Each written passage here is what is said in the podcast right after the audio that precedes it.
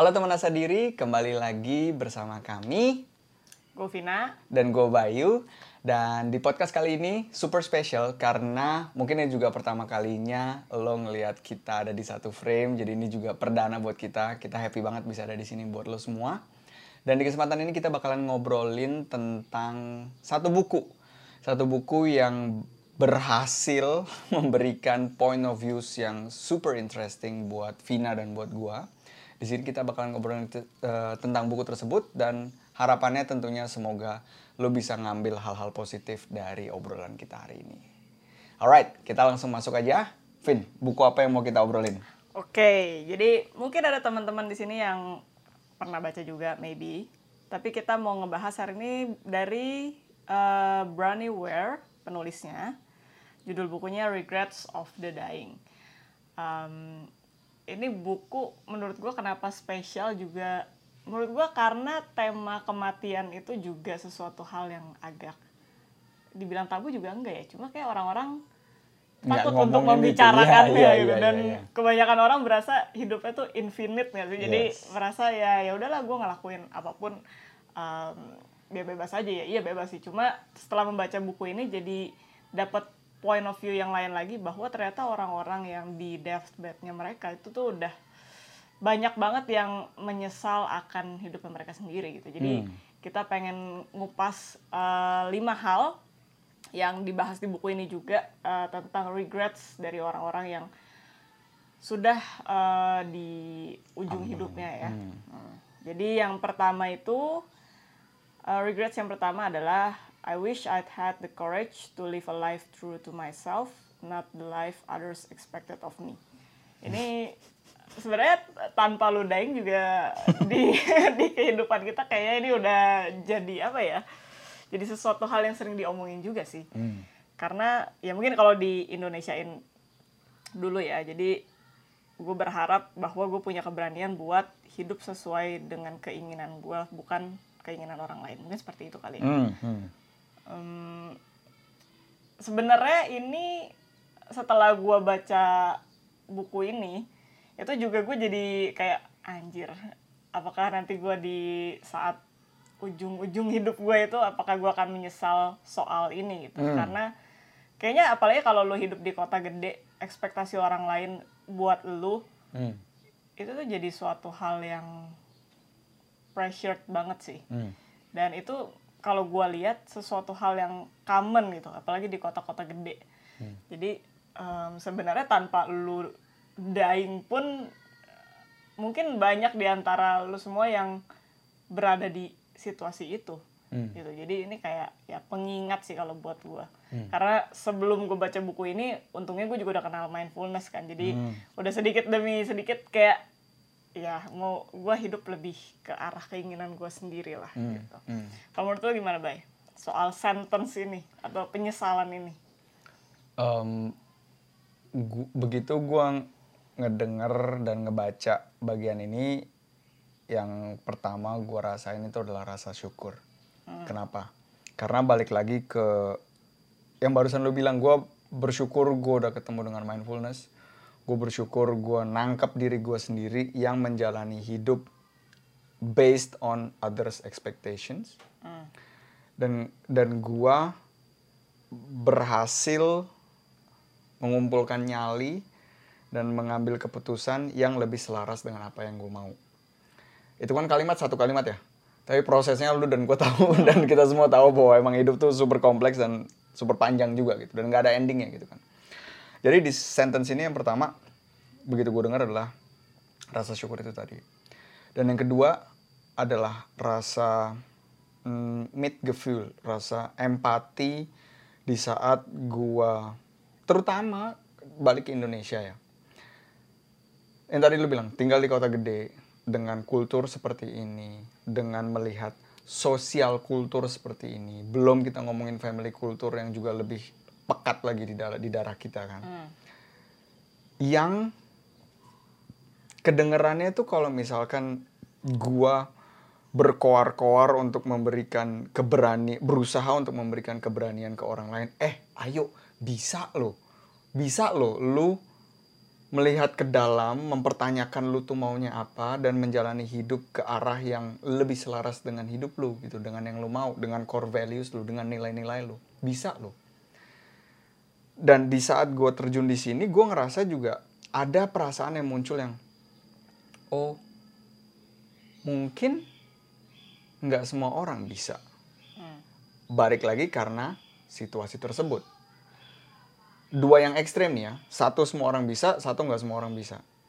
Setelah gue telaah lagi, jawabannya itu tetap semua orang itu bisa, Vin. Hmm. Semua orang itu bisa. Gue nggak bilang gampang. Gue nggak bilang gampang. Banyak orang yang, maksud gue, faktor-faktor yang kita nggak bisa kontrol, variabel yang kita nggak bisa kontrol. Lu lahir atau gede atau berjuang di kota mana, Hmm. beban, apalagi lu tulang punggung keluarga yang lu harus deliver finansial, all of those things. Gua gua tidak menidakkan faktor tersebut, tapi lu bisa memilih, melihat dulu nih, gue maunya apa, dan lu pelan-pelan dengan lebih strategis dan dengan faith percaya bahwa semua akan berjalan dengan baik, apa pun arti dari baik tersebut ya, definisi dari baik setiap orang, dan sehingga akan ada satu jalan atau satu hidup yang lebih selaras. Dan regret di sini to close my sentence di mana dia bilang gue berharap gue punya nyali buat hidup dengan diri gue sendiri. Dan gue ngerti kenapa garis bawahnya tuh di nyali atau di keberanian itu. Karena kalau lu nggak berenang dengan ikan-ikan lainnya di arus yang sama ya lu susah Vin. Hmm. lu akan dapat input dari kiri kanan gitu loh. Lu akan dapat dari input dari kiri kanan. Lu akan mendapatkan ke tidak yakinan akan diri lu sendiri. "Oh, ini gue bener nggak ya? gitu. Kok orang lain semuanya hidupnya gini ya gue beda sendiri ya. Gimana ya? Belum mereka projecting their own insecurities to yourself. Sehingga lu harus kita masuk ke tema boundaries gimana lu bikin boundaries supaya lu bisa menjaga keinginan lu nih gitu. Jadi ya ya gua gue yakin bahwa at the end of the deathbed that that's what matters. Hmm, hmm. Iya. that's what matters. Iya. Gue juga pas baca itu kan, itu soalnya di buku itu juga nggak cuma sentence doang kan. Di situ juga ada cerita-ceritanya Ceritanya, hmm. kan dari beberapa orang yang di interview kayak Hmm. gitu. Dan gue juga kayak nilik apa atau ngebayangin gitu ya. Anjir kalau gue udah bakal mati terus gue baru sadar Hmm. anjir selama ini misalkan let's say 80 tahun itu bukan hidup gua tapi hidup nyokap atau Hmm, hidup bokap gua yeah. yang di Hmm. push ke gua gitu kan Hmm. dan itu sebenarnya kalau ngomongin kayak gua hidup di Jakarta itu sesuatu hal yang sering banget gua Hmm. lihat gitu dan emang gak gampang karena ya istilahnya itu sesuatu hal yang kadang-kadang udah didoktrin dari Iya. lu kecil gitu lu harus belajar yang rajin biar jadi dokter sarjana Hmm. or apalah gitu ya jadi ya emang sulit buat ngebreak itu kalau lu ya courage itu sih keberanian itu ya Hmm, hmm, hmm. jadi ya mungkin em, dari podcast ini kita juga pengen ngajak kali ya Hmm. supaya yang dengerin juga sedikit refleksi gitu apakah sekarang hidup yang lu jalanin adalah hidup yang bener-bener bukan lu mau ya bilangnya apa ya lu menjalani apa yang lu suka lu inginkan Hmm. gitu bukan idenya itu bukan ide dari orang lain di sekitar lu gitu Hmm. karena sebenarnya kalau misalkan kita nggak kayak gue misalkan nggak kenal mindfulness dan nggak baca buku ini ya gue juga mungkin nggak jalan-jalan aja kan iya Hmm. jalannya sampai akhirnya di titik itu gue baru sadar anjir gue 80 tahun ngapain aja Hmm. gitu kan bukan hal-hal yang gue inginkan yang gue alami gitu Hmm. jadi ya ini ya apa namanya kan kalimatnya kan penyesalan selalu datang terlambat ya iya Nah, encouragement gua adalah mending lu nyesel sekarang secara sadar gitu loh. Mending lu mempertanyakan itu sekarang gitu loh. Sebelum lu ada di posisi di mana lu terpaksa untuk mempertanyakan karena lu nggak bisa ngapa-ngapain lagi karena lu cuma laying down on your deathbed. hmm. Ya lu mempertanyakan dulu.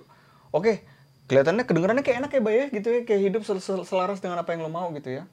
Ini bukan ini bukan janji bahwa lu akan sukses, ini bukan janji bahwa lu akan mendapatkan kebebasan finansial, ini bukan ini, tapi ini adalah rasa dari kepuasan, keselarasan. Ya balik lagi ya, ini gue juga ngerti bahwa kita selalu struggling dalam menemukan kata-kata ya, Hmm. karena ya i- orang tuh harus dan gue yakin bahwa setiap yang ngedengerin dan kita juga udah pernah taste ini di dalam hal di dalam poin-poin di dalam hidup kita gitu loh sehingga ya mending lu mempertanyakan itu sekarang gitu loh. Karena mungkin yang lo pikir lo mau itu bukan yang lo mau loh. Hmm. mungkin yang lu pikir lu mau itu karena lu ikut-ikutan sadar nggak sadar ya akan orang-orang oh orang-orang tuh maunya tuh punya mobil ini tuh. Berarti therefore gue juga harus mau mobil ini. Hmm. siapa bilang? Kan enggak nah, terus kalau gitu lu mempertanyakan kalau gitu gue maunya apa? Klik kedengerannya gampang kan? Itu prosesnya juga anjay mau apa ya? Ini gue bukan ya? Beneran nih gue mau ini. Atau sebenarnya yang gue mauin adalah apa namanya approval dari orang-orang karena gue punya mobil ini juga? Atau yang sebenarnya gue pengenin adalah rasa em, included di satu grup gitu misalnya gitu ya karena gue atau sebenarnya yang gue pengenin inginin adalah gue pengen merasa dilihat oleh kanan kiri gue Hmm. jadi mobil itu tuh cuma bajunya doang gitu ya itu balik lagi mindfulness Iya. di mana lo bisa mengamati ya kan jadi ya itulah maksud gue proses em, buat poin ini yang terpenting yang gue pengen share juga ke semua orang adalah lu refleksi lu melihat gitu loh melihat lu maunya apa dan habis dari situ lu bangun step by step gimana caranya supaya lu bisa lebih selaras ke arah situ Yes, yes. Alright, kita move kali ya ke Yes. poin kedua. Eh, regret yang kedua itu, I wish I hadn't worked so hard. Wah ini juga tipikal banget deh. Kayaknya orang-orang yang hidupnya di kota besar tuh sebelum dying aja udah pasti punya regret. udah pasti ya. udah pasti Iya itu mungkin em, tapi ini gue melihatnya bisa lebih ke arah maskulin sih bay atau mungkin pria ya Hmm. yang, yang kayak gini karena em, apalagi kalau di kota-kota gede kan dia ditunjang untuk menjadi kepala rumah tangga yang bisa serve keluarganya secara finansial gitu kan Hmm, jadi hmm, hmm. kadang-kadang ya bukannya jadi bukannya suka bekerja tapi ya dituntut untuk harus bekerja sekeras mungkin Hmm, gitu hmm. jadi em, ya mungkin ini juga menyinggung tema soal work life balance Hmm. Em, kalau gua sendiri sih sebenarnya itu juga pokoknya intinya sih sebenarnya mindfulness itu ngebuka jalan yang gede banget sih buat gue. Hmm. Jadi setiap kali ada hal-hal yang membuat gua nggak nyaman tuh gue jadi bisa kayak realize gitu. Hmm. Nggak cepet cuma bisa realize Hmm, lah. hmm. Jadi kadang-kadang sekarang kalau misalkan kerja gitu ya, gue tuh kalau di depan komputer bisa lama banget Hmm. karena kerjaannya semua di depan komputer gitu. Hmm. Cuma karena ada mindfulness jadi lebih bisa aware gitu kayak badan tuh udah capek loh sebenarnya. Hmm, Kok udah nggak konsen loh kayak gitu. Jadi kayak bisa tarik diri sedikit, Hmm. oke istirahat gitu. Hmm. Em, mungkin yang jadi masalahnya adalah ketika orang tuh nggak sadar kalau mereka udah nge-push diri mereka terlalu ken- keras gitu. Hmm. Hmm. Sampai akhirnya collapse or overdrive Iya, Hmm. atau misalkan banyak kan yang kasus-kasus eh, kerja apa sih itu namanya burnout burnout ya. Hmm. Nah itu kan juga karena mereka nggak realize kalau mereka udah nge-push diri Iya. mereka di luar limit kan. Hmm. Jadi ya itu satu hal yang penting banget sih buat di realize. Dan mungkin ini juga ketika lu kerja terlalu keras itu lu spend waktu lu lebih banyak di pekerjaan, lu kan juga missing something out ya. Hmm. Kayak waktu lu dengan keluarga, waktu lu dengan diri sendiri Iya. ya gimana lu bisa bisa punya waktu untuk menilik ke diri lu sendiri kalau lu spend waktu 20 jam let's say Hmm. ekstrim ya buat bekerja doang kan Hmm, hmm, hmm. jadi ya itu sih yang memang itu balik lagi ke soal kultur juga mungkin ya Hmm, dan hmm. pressure dari sekitar Hmm. gitu di mana lu harus provide sukses kayak Hmm. gitu sehingga mereka nggak mementingkan hal-hal di luar itu yang sebenarnya what life is. Gitu. Hmm, hmm. Gue juga sekarang suka bingung, Vin, karena sedihnya kita ini kan kita ini kan manusia ya, ras manusia itu kan yang kita ini kan adapting machine, ya kan. Jadi lo kita ini bisa adaptasi di setiap hal apa pun, di, bahkan di ekstrim-ekstrim. So that means di saat gua melihat teman-teman gua yang mereka memberikan 130% dari hidupnya untuk pekerjaan, mereka weekend tetap di telepon dan gua tanya lo kenapa gini? Ya emang di sini kayak gitu, bay. Hmm. Terus pertanyaan gue tuh selalu menjadi, jadi apa sih sebenarnya yang terjadi? Eh, honest question itu, apa sih sebenarnya yang terjadi kalau lu mementingkan diri lu sendiri gitu? Apakah lu, apakah beneran nggak ada kerjaan sama sekali gitu loh yang bisa memberikan lu ruang atau yang memberikan itu kan itu kan profesionalis profes, profesionalitas Win Hmm. sebenarnya ya itu kan termasuk ke profesionalitas emang nggak ada gitu ya jenis kerjaan lain atau hal yang bisa lo lakukan yang tidak memaksa lo untuk overdrive itu tadi 130% karena nanti damage-nya tuh irreversible gitu loh Hmm. begitu lo udah gosong ya ya udah gitu ibarat kaca pecah lo sambungin lagi tapi udah ada retakannya gitu Iya, iya. itu lu ada ada info nggak sebenarnya tuh ada nggak sih di luar sana Ya balik lagi itu sebenarnya menurut gue itu semua pilihan ya, Bay ya. hmm.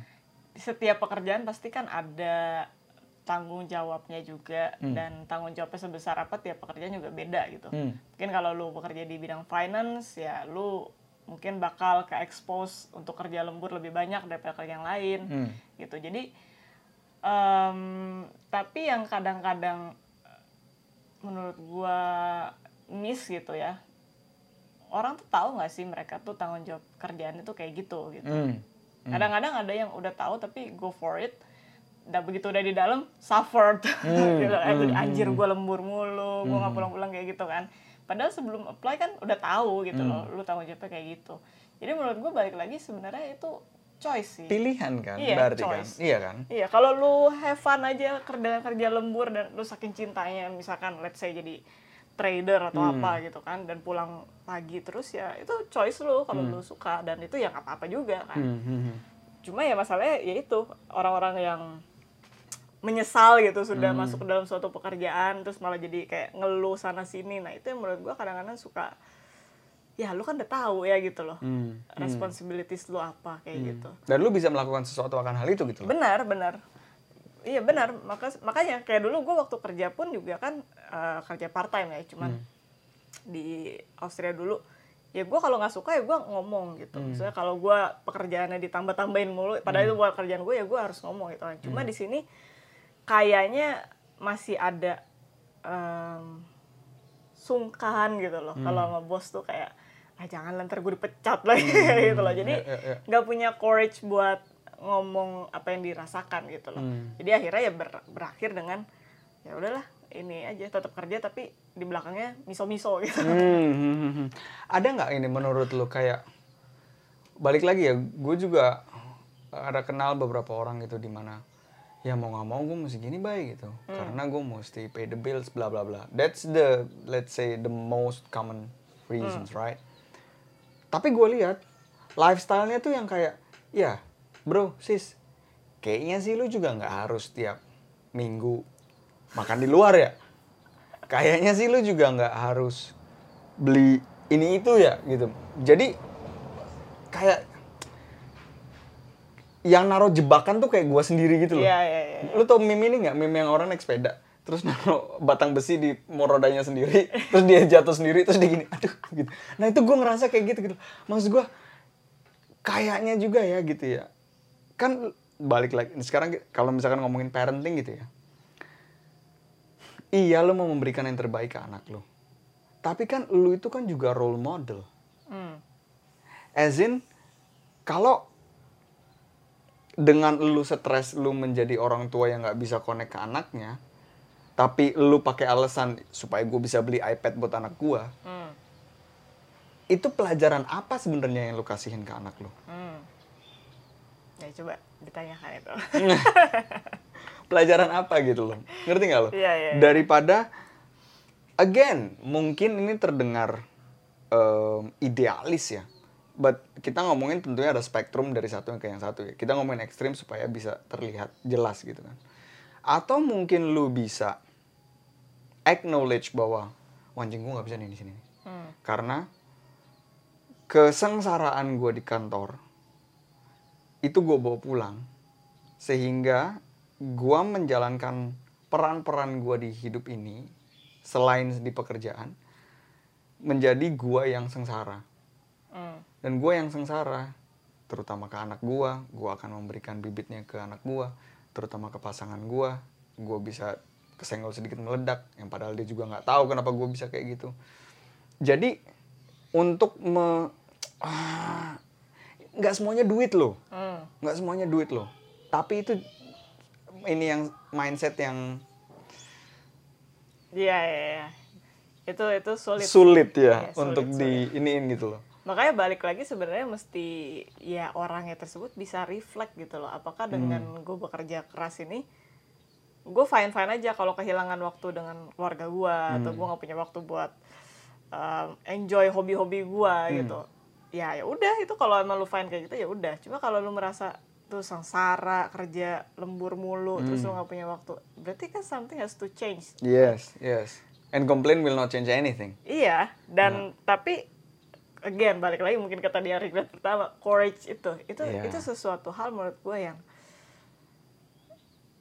em, apa ya mahal banget sih untuk dimiliki seseorang. Karena untuk lu apalagi di kultur Indonesia seperti ini, lu kalau nggak punya courage ya ya udah, apalagi lu kalau nggak di posisi atas ya udah lu di abisin terus yes gitu kan, yes yes yes. Jadinya ya courage to choose oneself. Ya. Dan gue ada satu point of view yang dari spektrum lainnya ya. Bahwa ini kan um, I wish I didn't work that hard ya. Karena dengan begitu relationships bisa terbengkalai. Tapi gue mengingatkan diri gue bahwa ini bukan kartu hijau lo buat nggak bekerja keras loh. Hmm, jadi ini bukan ini bukan kartu hijau buat lu cuma nyantai-nyantai di rumah Netflix nggak ngapa-ngapain doang loh. Nggak ini bukan itu. Tapi gimana caranya lu bisa bekerja keras dan lu sadar bahwa lu bekerja keras. Sadar bahwa akan tujuan lu. Sadar bahwa lu bekerja keras ini bukan hanya untuk menghasilkan uang tapi lu juga harus tahu lu harus take care dengan all those relationships dan melihat aspek-aspek hidup lebih daripada sisi finansial saja gitu jadi kalau balik gimana gue mencerna sentence atau regrets yang ini buat gue adalah itu tadi lu make sure kerja keras dan sadar. Dah dua itu aja. Hmm, jadi bukan kerja kerasnya yang unbedingt yang yang harus dijadiin leha-lehanya gitu loh. Ya balik lagi ke yang lu tadi bilang tadi gitu. Lu harus sadar. Hmm. Oh. ya intinya balik lagi itu sih. Reflect ke apa yang lu rasakan gitu saat Iya. ini di situasi lu sekarang tuh kayak gimana? Lu ngerasa gak sih Vin bahwa kata itu ya lu harus reflect akan apa yang lu rasakan ya. Bahwa nggak semua orang punya cugang nggak semua orang punya akses lo ke rasa. Iya benar benar. Itu tuh udah saking baalnya atau saking terlalu kalau ngomong rasa gitu ya itu kayak iya apaan sih lu cheesy banget sih gitu lu ini apaan sih? gitu kan. Terus tiba-tiba kan cengeng banget sih cengeng banget gitu sih. kalau Indonesia tuh ke, pak ini gue ya dan gue juga kayak gitu dulu tendensinya ya orang Indonesia tuh defense mekanismenya apa komedi hmm. semuanya dibecandain semua dibecandain lu ngomong sesuatu yang begitu masuk ke honest conversations where feelings where you might get vulnerable because you start going into the feelings level diangkat lagi ke hahi lagi diangkat lagi ke hahi lagi iya itu iya. sih Hmm. Iya. ya karena kita kebanyakan juga mungkin generasi bonyok kita ya itu jarang membicarakan soal feelings gitu kan Hmm, ya. ya ya oke alright Lanjut. Uh, regret number three. I wish I had the courage again to express my feelings. Nah, segway-nya cakep nih anjir, segway-nya cakep nih. Pas banget. Segway-nya cakep nih. Iya sih ini. Ini menurut gue sih akarnya dari kalau gue ngeliatnya akarnya dari parenting sih, Bay. Hmm. Karena ya kayak pengalaman gue sendiri aja kayak kalau cowok kan an- adik gue cowok gitu ya kan jangan cengeng kayak gitu Hmm, kan. Jadi hmm. kayak kalau nangis ya namanya anak kecil kalau misalkan kesakitan nangis ya wajar kan Hmm. gitu cuma kalau di Indo tuh seringnya ya jangan cengeng gitu Hmm. lah ya, ya stereotype kayak gitu-gitu yang akhirnya eh, kita tuh dari kecil diajarin bukannya talk about our feelings tapi suppress our Hmm. feelings gitu Hmm. kan jadinya bukan sesuatu hal yang wajar gitu dan kalau kita udah gede mau ngomongin soal feelings itu kayak "Ih, Iya, ya, geli sendiri gimana gitu kan. Iya, iya, Ya kan? iya, iya. padahal itu sesuatu hal yang kalau dipendam terus ya lama-lama tuh lu kayak bawa ransel berat banget 10 kilo lebih kali ya Yes, yes, itu gue yes. ngerasain sendiri juga karena ya itu dari kecil gue nggak punya akses gimana gue bisa ngomongin my true feelings gitu Hmm. kalau gue lagi sedih kayak gimana kalau gue lagi kecewa itu ngomongin kayak gimana gitu. Hmm. paling nggak misalkan gue curhat gitu ya kayak kebonyok ya udah paling cuma sebatas kayak sebatas lewat aja gitu loh. Jadi nggak nggak benar-benar di acknowledge gitu. Mhm. jadi itu sesuatu hal yang menurut gua hopefully di generasi kita dengan informasi yang lebih banyak soal parenting Hmm. bisa lebih ya itulah acknowledge sih sebenarnya itu kata-kata mungkin yang menurut gua pas ya Hmm. karena kalau lu cuma didengerin aja tapi nggak apa ya kayak nggak ada empatinya gitu itu menurut gua sama juga sih Hmm. kayak cuma sembari lewat aja gitu Hmm. Hmm. Hmm. kalau lu gimana ada itu ini sih apa namanya dan bukan sabar baik kenapa juga sulit untuk belajar ini langsung di dunia nyata karena begitu lu mengeluarkan mengutarakan feeling lu begitu lu jujur keluar gitu ya. Nih ada kemungkinan lingkungan lu tuh nggak tahu dengan info tentang feeling lu ini ya, gue mesti ngapain gitu. Hmm. sehingga ya either lo nggak di acknowledge atau mereka akan menertawakan which is even worse you know. Sehingga itu menjadi feedback buat kita oh kalau kita terbuka itu diremas loh ternyata hati kita. Ya udah berarti logikanya mathematic equation aja. Kalau gue melakukan ini hatinya diremas ya berarti gue akan menutup hati gue super simple. Hmm. jadi menurut gua lu cari kita udah ngomongin tentang the closest five person will make or break who you are. Gimana caranya lu bisa mencari lingkungan di mana lu bisa being vulnerable and showing and expressing those feelings. Itu dari sisi luarnya. Dari sisi dalamnya lagi yang lebih gampangnya lagi. Kalau lu bisa sampai di titik di mana lu, gue ngomongin bukan lu ya, Vin. gue juga gitu. Kalau kita bisa sampai di titik di mana kita sadar bahwa yang ada di kontrol kita adalah kita being vulnerable atau enggak, dan ekspresi atau feedback dari orang lain itu tidak ada di kontrol kita, sehingga gue akan puas kalau gue udah bilang Vin, gue grateful lo akan lo. Udah, gue nggak butuh input feedback dari lu, gue nggak butuh oh iya baik gue juga, oh iya atau apa gitu, gue nggak itu gue dalam tanda kutip nggak peduli. Kalau gue udah bisa ada di state tersebut, itu rasanya bebas, Vin. Hmm. Itu rasanya bebas karena kebahagiaan lo, kebahagiaan gue, rasa puas gue tidak ada di tangan orang lain Hmm. adanya di tangan gue. Ini gue ekspres ini nggak ya, ekspres ini nggak ya. Kayak misalkan gue jalan aja gitu, gue tahu itu bukan ininya di sini, bukan kulturnya di sini. Misalkan gue lihat ada cowok rambutnya bagus potongannya, gue bilang mas mas rambutnya bagus deh. Gitu. Kemungkinan besar karena kita di kota gede, anjing apa nih yang mau lu mau nyolong lu mau ini ya mau hipnotis mau apa mau apa mau apa gitu kan banyak kan. Jangannya tuh banyak deh kalau di sini ya yang gue rasain di dalam stay gue di sini ya. But gue nggak bisa kontrol itu gitu loh. Hmm. intensi gue adalah baik gue ngeliat ini bagus gue suka dan gue pengen memberikan komplimen ke seseorang. And that's it. Itu dan kalau kita bisa nyampe ke titik tersebut itu bebas sih.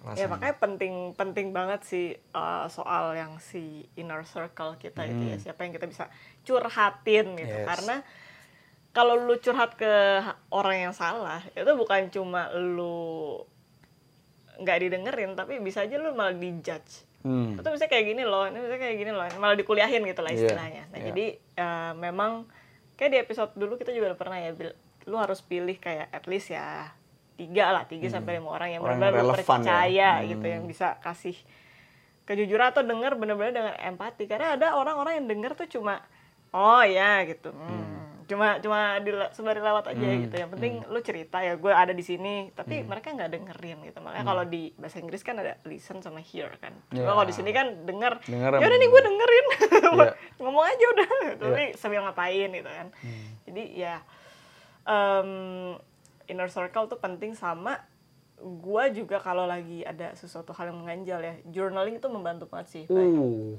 yes. itu itu membantu banget sih. Karena ketika lu nggak punya seseorang yang lagi, saat itu lagi ada buat lu curhatin gitu nulis itu membantu banget loh. Karena lu jadi bisa breakdown gitu kan. Oh gue nih ngerasa kayak gini. Kenapa ya? Tadi ada hal apa yang nge-trigger gue ya kayak gini gini jadi itu sambil lu express feeling lu juga sambil menelaah diri lu sendiri Benar. juga gitu. Oh ternyata gue kalau ada situasi yang kayak gini gue bakalan responnya kayak gini. Tapi kenapa ya responnya selalu kayak gitu? Nah, itu kan jadi kayak pelajaran buat diri lu sendiri juga kan. Hmm. jadi ya itu sih. Journaling tuh wah itu gila sih. Jadi journaling itu gue agree 150% dengan itu. Dengan journaling kalau kita bilangnya adalah kalau nggak ada orang lain yang ada di situ buat gue ya journaling itu adalah bentuk apa journaling itu adalah bentuk ada satu orang yang selalu ada di situ hmm. yaitu gue sendiri Hmm. Journaling adalah bagaimana gue berkonversasi, mengadakan conversation dengan diri gue sendiri. Journaling membutuhkan waktu, journaling membutuhkan tempat yang proper, nggak ada distractions ideally. Sehingga dengan gue decide untuk journaling saja, berarti gue decide untuk nemenin gue sendiri kan, Hmm. ya kan?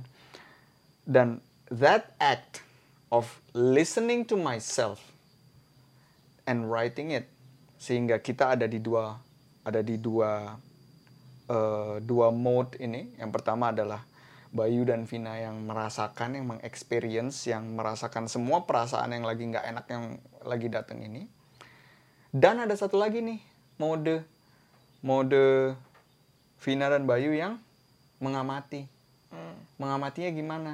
Kalau meditasi ya kita mengamatin gitu ya. Tapi dengan journaling, lu baca lagi yang kayak tadi lu bilang kan, lu Iya. baca lagi apa yang lu tulis.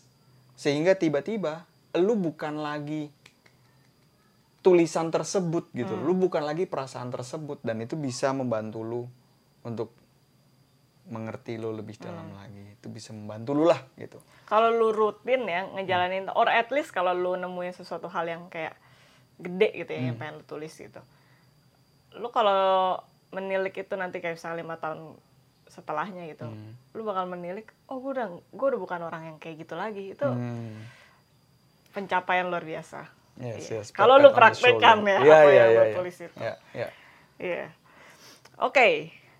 Ke regret keempat. Uh, I wish I had stayed in touch with my friends. Hmm. Ya ini juga gue merasa ini penting banget karena ya again kita makhluk sosial ya. Hmm.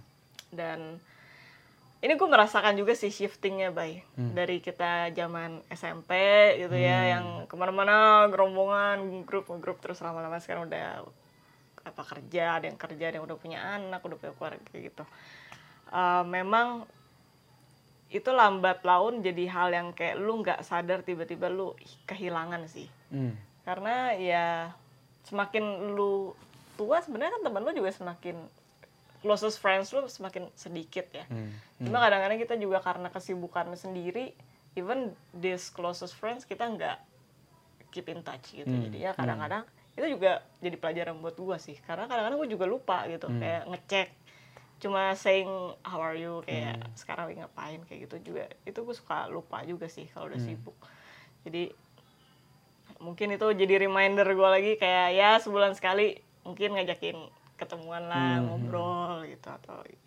gimana ya karena memang at the end semakin lu tua orang-orang yang bakal di sekeliling lu ya teman-teman lu itu juga Hmm. kan Hmm. kalau nggak ya lu end up Sendiri. alone ya Iya. memang lu mati juga sendiri sih Iya, cuma iya. at least sampai ke momen itu ya lu tetap punya orang-orang yang bisa lu rely on atau Yes, lu bisa yes. share something with gitu Yes. gue struggle dengan poin ini Vin Hmm. gue struggle dengan poin ini kenapa karena dulu gue adalah tipe orang dulu gue punya insecurity sehingga gue sangat ingin masuk ke specific circles Hmm. lagi dancing gue pengen masuk ke circle sini waktu lagi SMA gue pengen ke circle anak basket pokoknya gue selalu pengen ke circle circle situ Hmm. biar eksis Hmm. ya kan dan yang gue sadarin adalah untuk melakukan hal tersebut gue memberikan bagian dari gue Hmm. gue harus ada di situ gue harus ya untuk bisa eksis kan gue selalu spend time di situ gitu. Dah. Post meditation let's say. Post mindfulness. Ada satu fase di mana di diri gue di mana gue ngerasa. Di mana gue dengan sadar gue nentuin arah hidup gue seperti apa dan gue percaya bahwa lingkungan gue adalah lingkungan gue akan berubah dengan sendirinya. Gue percayakan hal tersebut. Tapi ada momen di mana wah ini kok nggak ada yang masuk ya sama gue gitu ya? Hmm. jadi pun gue mau keep in contact guanya tuh juga ngerasa tuh wah ini nggak ada yang ngertiin gua nggak ada yang gimana gitu apakah gue beneran sendiri gitu apa gue aneh sendiri gitu orang.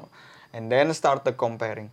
Oh mungkin ini karena orang-orang semuanya udah berkeluarga mereka nggak ada mungkin maybe this is was what adulthood adulthood feels like maybe all of those things. Udah. Berarti dari yang tadinya gue memberikan terus terus gue jadi, jadi tidak memberikan sama sekali dan gue merasa sendiri. Hmm. dan sekarang ini state sekarang ini adalah gue bisa counting those closest friends let's say with one hand two hands let's say. Dan reminder untuk cek mereka itu gue masukin otomatis ke gue gue masukin ke kalender karena gue tend to lupa hmm. tapi gue tahu bahwa ini adalah orang it's super nice gimana cara ngeceknya di gue gitu ya hmm. wedding gue siapa sih yang mau lo undang hmm. gue udah gak usah mikir banyak banyak and then those are those people that are like my my closest friends because gue punya mimpi gue pengennya tuh wedding tuh yang super close aja gitu ya super super close so that was like my way how to write the list of like people that I do really care about and I'm grateful for and all of those things Hmm. Ya itu juga hang, kadang suka di miskonsepsi juga sih baik. Kesannya tuh hangout itu tuh ya udah harus super rame gitu dengan Hmm. siapa pun teman, maksudnya siapa aja gitu loh. Tapi ya kayak yang lu bilang, gue juga ada kok di, di fase itu di mana kayak gue nggak nggak gitu enjoy misalnya kumpul sama orang ini orang ini karena terlalu banyak basa basinya gitu loh. Jadi em, mungkin gue udah udah nggak di fase itu lagi kali ya. Jadi Hmm. sekarang tuh kalau ngobrol lebih lebih pengennya yang kayak ya kayak gini Iya, lah, kayak iya, gini lah. iya, Cuma iya. kan buat orang buat orang kebanyakan mungkin kayak aduh yang isi-isi aja lah Iya, ngomongin iya, apa iya, kayak iya. ngomongin artis kayak apa gitu Iya, kan. Jadi bener.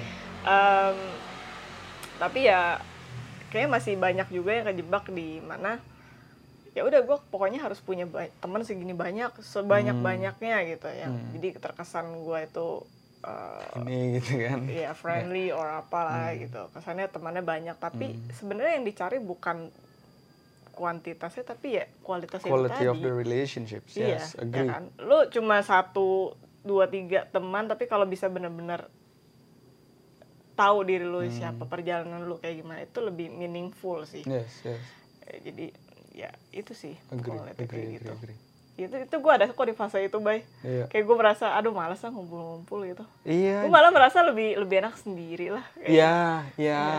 Dan dan dari situ juga mm, di di di versi gue ya. Dari situ tuh gue tuh yang muncul tuh sedih dan takut. Hmm. Sedih karena if there are like ada orang yang menurut gue tuh close gitu ya. Ya kita nggak nggak bisa ketemuan karena geografis jauh. Hmm. Satu sedihnya gitu. Dan kedua takut, gue tuh takutnya tuh gue yang salah gitu loh. Gue tuh takutnya tuh ada sesuatu di gue yang, oh maybe I should have just talk about all of Ya, those ya, ya, gossips. ya. Iya, Ngerti kalau mungkin gue, tapi setelah kalimat itu muncul di kepala gue, gue langsung nangkep diri gue, enggak bro, gue, aduh, bre, lu ngomongin tentang politik gitu misalnya gitu ya. Kalau lu ada impact nyata yang bisa lu berikan, lu suggest atau lu lakukan sesuatu gitu ya. Be my guest. If that's your interest, be my guest. Tapi kalau lu ngomongin politik hanya untuk komplain dan menjustifikasi keadaan lu yang suffered dan nggak nyaman, nggak cengli, bre ngapain lu ngabisin waktu di situ gitu dalam arti gua gitu ya. Mendingan either lu mikir yang enak-enak aja atau lu melakukan sesuatu gitu loh. Tapi kalau cuma Iya, ngemeng-ngemeng doang mah ah, kayak ngomong no isinya time gitu. eh, gitu kayak kopong banget gitu loh aduh gitu again gua aware gua di sini bukan gua bilang bahwa gua itu adalah ada di posisi yang lebih tinggi dari orang lain bukan tapi ini adalah conscious decision gua di mana em, yang namanya memilah-milah lingkungan itu tuh bukannya kita sombong memilah-milah itu kita ngejagain diri kita sendiri. Hmm. karena kalau terlalu banyak orang yang masuk yang nggak menghargai tanaman lu karena nggak lu pagarin bunga-bunga lu rusak. Tapi kalau ada orang yang care sama bunga-bunga lu di rumah lu ya dia juga akan hati-hati bahkan kalau lu lagi sibuk mereka bakal bantu nyiramin Hmm. nggak semua orang punya interest akan hal itu Iya. and that's alright ya balik lagi sih balik lagi semua sebenarnya mengenal diri lu sendiri aja lu Yes. tuh lebih suka kayak ngobrolin apa ngobrol sama siapa gitu kadang Hmm. ada loh orang-orang yang kayak ah iya terus habis pulang ya capek banget ya nanti terkuras padahal yang terkurasnya bukan sama hal yang dia suka omongin gitu Hmm. bukan sama temen yang dia suka juga ya Kesentence Karena ini ya gitu. apa namanya lu melakukan sesuatu atau mengeluarkan uang yang lu nggak punya untuk menyenangkan orang yang bahkan lu nggak suka. Iya. Ya, iya itu ya. Human. Oke regret terakhir. Hmm. I wish that I had let myself be happier. Wah ini dalam sih. Tapi ini satu hal yang eh, gimana ya kata-kata happy itu kadang-kadang juga buat gua agak kopong. Iya soalnya nggak ya ya benar kali ya kopong ya kayak cuma di surface level nggak sih Hmm. jadi kayak lu makan enak lu happy Hmm. lu bisa tidur lama lu happy jadi happy itu maksudnya apa gitu loh Hmm. artinya kan Em, mungkin ini lebih dalam dari sekedar happy ya mungkin ini bisa relate ke yang pertama sih Hmm. dengan lu menjalani hidup sesuai dengan yang lu inginkan Hmm. bukan konten kali ya Hmm. lebih Hmm. lebih tepatnya dan bisa peaceful menjalani peaceful inner peace Iya. ya. Hmm. gue juga em, sering dengerin Eckhart Tolle kan dia juga bilang kayak ya apa sih happy? Gitu. Dia juga mempertanyakan kan. Makanya dia juga lebih suka pakai kata peace. Hmm. karena ya itu tadi lu happy tuh kayak kesannya cuma short term gitu loh. Harus ada short of dopamine gitu ya. Iya jadi kayak spike itu udah Dah, hmm. flat. Cuma kalau peace peaceful ya udah apa yang terjadi lu tetap Hmm. ini zen, Zen, gitu loh. ya, ya, ya, Ya, nggak ya. kur- ada apa ada badai ada apa ya zen Ah, gitu ya.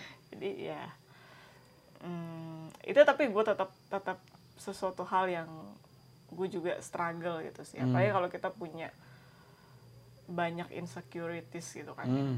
Hmm. dan sebenarnya belajar main mindfulness pun itu akhirnya juga membuat gue kayak bukan bukan sedih sih. Kayak jadi insecurity tuh kayak di depan mata gue semua gitu loh. Iya, iya, jadi iya, iya. jadi gue realize semua ada ini loh gitu. Jadi kayak satu-satu mesti gue manage Iya, gitu. iya. sedangkan kalau sebelumnya kan kayak ya udah jalan aja tapi di dalam diri kayak kosong. Ignoran kan sebelumnya Iya. kan. Makanya kan orang ada katakan ignoran is bliss kan. Iya. Which I like that is such a stupid sentence. Ignorance is bliss unless you die from it. Karena lo ignorant gitu kan. Ya. Iya. Gua setuju juga bahwa um, happiness tuh gimana ya kalau yang dimaksud dengan happiness itu adalah shot of dopamine orang-orang ini bisa including gua gitu ya Hmm. bisa make ini tuh menjadi alasan gitu kayak misalkan gua makan apa pun yang gue mau even though for dari segi nutrisi misalnya nggak baik gitu ya terlalu banyak of something is never good but then I'm using it I'm letting myself to be happy Hmm. for example I'm doing A B C D E yang tidak mengenakan untuk orang lain I'm letting myself be happy jadi orang-orang termasuk saya yang menyalahgunakan kalimat ini juga banyak Hmm. Oke, berarti kalau gitu apa ya pengertian yang mungkin bisa diambil dari sentence semoga, semoga saya bisa memberikan memperbolehkan saya untuk happy. Case gue ya, kerja. Gue chose untuk kerja untuk melakukan apa yang gue lakukan. Terkadang ada hari yang gue dalam 4 jam fokus itu udah selesai kerjaan Hmm. tapi gue nggak bisa memperbolehkan diri gue untuk bye udah nih gitu nggak gue harus stresnya at least tuh 8 jam Hmm. based on my old belief system that working is means 8 hours and then now that you chose some type of actions and then you only have to work for this much and then you can do whatever you want after. Untuk memperbolehkan diri gue menikmati itu itu challenge. Hmm. contoh kedua duit. Hmm. gue kerja keras nabung.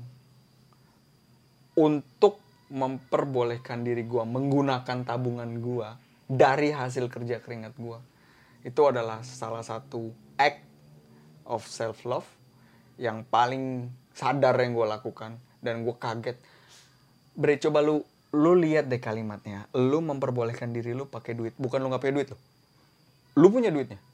Tapi lu harus belajar memperbolehkan diri lu pakai duit ini. Berarti sebelumnya gue dong yang mau ya balik lagi ke ini gue yang nyiapin mouse strapnya Hmm. Gue yang jalan gue yang eh ini gue yang aduk juga gitu loh. tapi gue sendiri gitu loh Hmm. yang ketiga contoh yang paling dalam in my version is relate just like you said ke yang pertama bahwa I chose a path consciously with the intention ku pengen bikin hidup yang lebih align yang nantinya sebagai byproduct adalah that sense of contentment or inner peace of purpose happiness in this case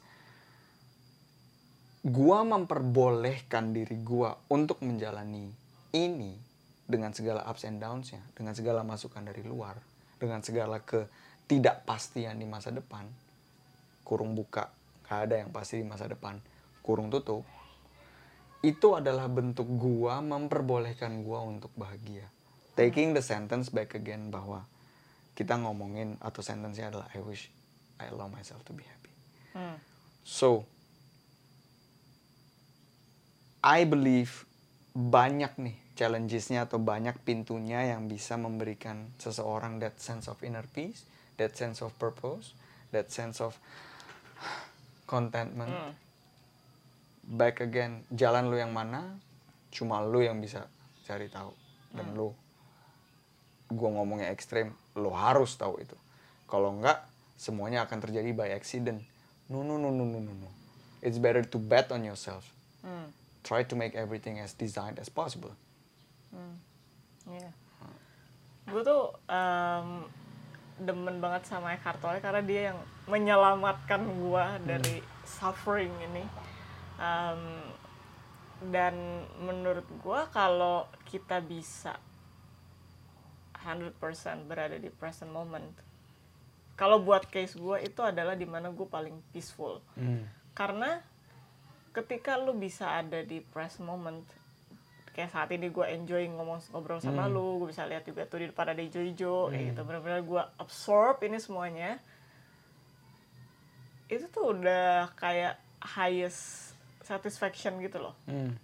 dan ya rasanya peaceful karena di saat itu ketika lu bisa present gak ada tuh kayak omongan wah lu misalnya kerja loh sekarang. Hmm. Hmm. Nah, lihat tuh teman tetangga seberang tuh punya mobil lebih bagus tuh kayak gitu. Hmm, nggak ada loh yang kayak gitu-gitu. Karena ya karena pas di present moment ya lu cuma berusaha untuk absorb apa yang ada di sekeliling lu gitu. Hmm, itu menurut gua gold banget sih. Makanya em, itu kayak key yang membawa gua keluar dari suffering gua waktu itu. Ketemu saya Eckhart Tolle baca bukunya Eckhart Tolle The Power of Now itu benar-benar apa mind blowing banget sih. Jadi sekarang sih gue berusaha untuk sebisa mungkin selalu berada di present moment which, which nggak gampang. Hmm. karena kadang-kadang juga banyak banget distraction. Hmm, dan comparison itu sebenarnya adalah salah satu insecurity yang gue juga sampai sekarang masih kayak eh, bukan mencoba untuk melawan tapi kayak eh, manage mungkin ya Hmm, jadi realize dan bahwa tahu gue juga nggak harus compare diri gue ke orang lain karena di Indo kan sering kali kalau nonton TV juga semuanya isinya comparison gitu Every single thing. Iya. Kalau lu lihat acara TV kan, oh dia punya rumah lebih gede. Kesannya tuh kita harus jadi orang lain gitu loh. Jadi itu satu hal yang mungkin karena udah terlalu dalam gua serap dari kecil. Jadi itu juga sesuatu hal yang gua mesti manage gitu sekarang. Hmm. Tapi ya itu balik lagi ketika gue berada di present moment, gue juga realize itu nggak ada loh pemikiran kayak gitu. Sama itu cuma sekali. Hmm. gua yang buat-buat aja, or itu lagi datang pemikiran itu dan gua lagi nggak ada di Present moment. present moment itu dan gue jadi kayak ke trigger oh iya ya mesti Hmm. Gue mesti lebih sukses dari ini orang nih kayak gitu kayak gitu lah jadi Frame-nya soalnya kadang-kadang tuh karena sosialnya gitu ya. Di saat kita berada di in- at that point of peacefulness dan kita tidak memikirkan masa depan, tidak memikirkan masa lalu gitu ya. Frame-nya tuh kadang-kadang tuh di frame kayak gini. Oh iya, itu lo lagi lupa aja akan hal-hal yang seharusnya lo pikirin. hmm, hmm. Ngerti nggak? Iya, iya, Jadi iya, iya. seakan-akan tersiksa itu tuh adalah sebuah default dan sebuah keharusan. Hmm, hmm. Jadi lu nemuin peacefulness itu bahkan menjadi sesuatu yang wait wait wait wait. Kayaknya ada nih. Lu harus lo mikirin buat makan nanti malam atau buat makan besok. Lu harus lo mikirin gimana cara bisnis lu naik. Lu harus lo mikirin gimana cara lu menyenangkan A, B, C, D dan E. Balik lagi, ini makanya aduh. Ini oh, that relationship between us and ourselves. Kita harus jaga itu banget. Ngomongin tentang TV apa yang dimasuk gitu ya. Nggak jarang gue melihat orang terdekat gue yang lagi nonton TV dan ter dalam tanda kutip makan akan apa yang TV itu berikan gitu ya. Apakah rasa takut atau rasa ketidakcukupan seakan-akan bahwa that's where we have to be gitu ya dan gua mengamati gua mengamati mereka bereaksi akan tersebut. Hmm. muncul rasa sedih lagi tapi bukan kasihan ya. Bukan kasihan karena gue berada di atas gitu tapi kasihan karena kemakannya itu gitu loh. Dan itu kadang-kadang bikin gua ngejagain diri guanya tuh jadi lebih lemah karena gua udah aduh jadi risiko gue untuk kemakannya juga atau ininya juga tuh jadi lebih tinggi gitu. Jadi balik lagi ke that relationship between us and ourselves. I think that's is that is priority number one. And only then kita bisa bangun priority-priority yang lain which is the other people like you know we already discussed bahwa kita juga makhluk sosial dan kita harus take care dengan lingkungan kita juga tapi siapa yang mau kita kasih masuk ke lingkungan kita itu ya tetap harus kita yang ini kan. sebenarnya intinya sih ya dari semua semua ini ya lima poin tadi ketika lu udah bisa sadar gitu apa yang penting di hidup lu apa yang ingin lu lakukan di hidup lu gua rasa sih ya Hmm. mungkin lu nggak punya lima penyesalan ini sih. Hmm. karena ya udah udah clear gitu loh visinya apa gitu dan em, ya menurut gue regrets yang disebutkan di sini ya karena apa ya clouded sama nggak ada clarity. sekitar gitu Hmm, ya. Hmm, jadi kayak mungkin tuntutan sosial tadi lu harus kerja atau mungkin ya lu udah sibuk tapi lu juga nggak realize nih sibuknya buat apa kayak gitu. Jadi balik lagi sebenarnya ketika lu udah bisa tahu dengan jelas diri lu siapa apa yang lu mau itu udah path yang golden banget gitu. Hmm, hmm, itu udah udah kayaknya menurut gue itu udah titik tertingginya manusia tuh itu kalau ketika dia sudah tahu dirinya itu dia siapa dan apa yang mau di damai jadinya iya jadinya udah ya udah gue dengan begini apa apa adanya ya ya udah gue udah eh, peaceful aja tambahan gue di situ adalah if I may Hmm. in my per- personal experience it's not a one and done thing Hmm. Jadi kita melihat diri kita pun gitu ya di dalam proses ini bukan one and done dalam artian oke goalnya adalah gue punya satu sentence bahwa Bayu itu siapa bukan itu. Tapi mengingatkan diri kita lagi dan lagi dan lagi nilai-nilai apa aja sebenarnya yang kita anggap sebagai penting di dalam hidup kita. Personal ya. Dan kita gunakan itu sebagai kompas kalau nilai-nilainya adalah ini berarti action-action apa aja yang harus gue lakukan. Ya kan? Itu terus dilakukan secara sadar sampai urgent one at one point niscaya itu akan terprogram dan menjadi program default kita bahwa kita melihat ngomongin attitude of gratitude. Jadi yang pertama adalah bahwa itu bukan one and done proses dan yang kedua adalah lo memperbolehkan diri lo juga untuk berubah. Karena kan kita kan again ya fase kita sebagai hidup kita juga berkembang, kita juga sebagai kita sebagai kita ketemu SMP sama kita sekarang kan udah bedanya kan langit dan bumi ya. Mana yang langit mana yang bumi gue nggak tahu ya. Tapi udah beda jauh gitu loh. Sehingga lu melihat diri lu sendiri dan lu mengupgrade upgrade program-program belief systems belief systems lu yang lu punyain mungkin the way you're looking at life right now will be different in the next two years, in the next five years, in the next ten years. But doing that process again and again and again, lu introspeksi diri gitu ya. Introspeksi diri tuh, gue tuh selalu dulu tuh punya rasa begitu ada ra- kata introspeksi itu seakan-akan ada sesuatu yang salah dengan gue gitu. Ngerti nggak lo? Jadi lu ke pojok, lu ngadep tembok, kalau bisa angkat satu kaki jewer kuping gini, lalu introspeksi deh. Padahal nggak gitu loh. Introspeksi itu juga lu menemukan hal-hal apa aja yang udah lu lakukan di dalam hidup lu sehingga lu bisa tepuk-tepuk pundak lu sendiri. Hmm, hmm.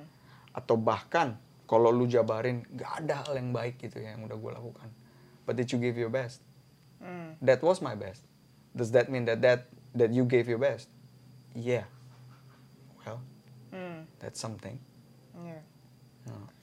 menurut gue juga jangan takut gagal sih menurut gue ya kita sebisa mungkin memilih apa yang ingin kita lakukan itu cuma bukan berarti ini kayak jangan tutup mata aja gitu Hmm, loh Ya, tetap lu harus thoughtful dengan apa yang lu lakukan gitu. Kalau misalnya lu tiba-tiba ganti jalur kayak yang lu lakukan gitu ya Hmm, hmm. dari lu kerja 9 to 5 sekarang lu kerja from anywhere gitu kan dengan hal yang lu suka. Kalau misalkan orang mau melakukan itu ya mereka harus ada planning juga harus Bener. thoughtful gitu. Dan